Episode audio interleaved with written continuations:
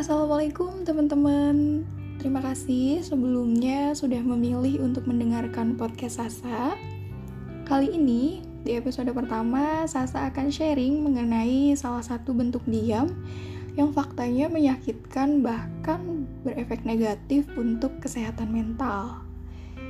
Mungkin teman-teman pernah merasakan bagaimana diabaikan ketika dalam menyelesaikan suatu permasalahan, baik dengan pasangan, teman, orang tua, ataupun orang sekitar lainnya.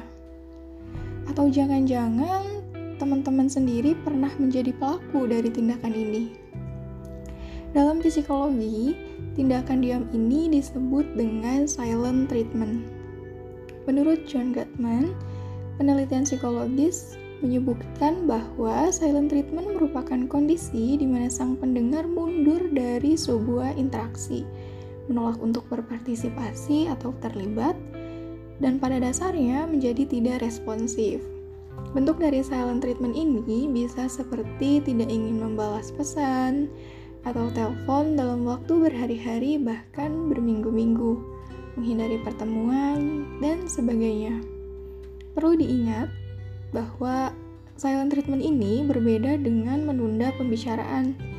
Ketika menunda pembicaraan, artinya hanya memerlukan sementara waktu untuk saling menenangkan diri dan mengkomunikasikan kapan harus membahasnya kembali. Sedangkan silent treatment ini adalah menolak membahas baik sekarang ataupun nanti, teman-teman. Alih-alih bertujuan untuk menghukum lawan bicara, ternyata efek dari tindakan ini cukup bahaya loh. Salah satunya yaitu menjadi bentuk kekerasan emosional, yang mana membuat lawan bicara kita merasa tidak diinginkan, tidak dihargai, rendah diri, dan sebagainya. Terkadang dia memang menjadi pilihan yang terbaik agar tidak mengatakan hal-hal yang akan disesali nantinya.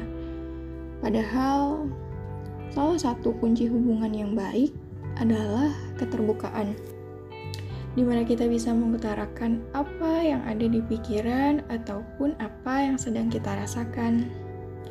Jadi, yuk mulai sekarang kita pahami bahwa silent treatment bukan suatu sikap yang baik, melainkan tidak lebih dari menyakiti orang lain secara tidak langsung.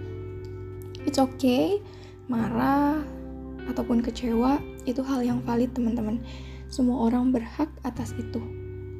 Tapi bukan berarti karena marah kita jadi lupa bagaimana cara manusia memanusiakan manusia dengan cara yang manusia.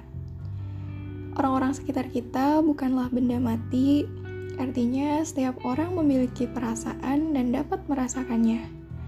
Jadi mari kita sama-sama berproses, belajar kembali bahwa mendengar bukan hanya sekedar untuk memahami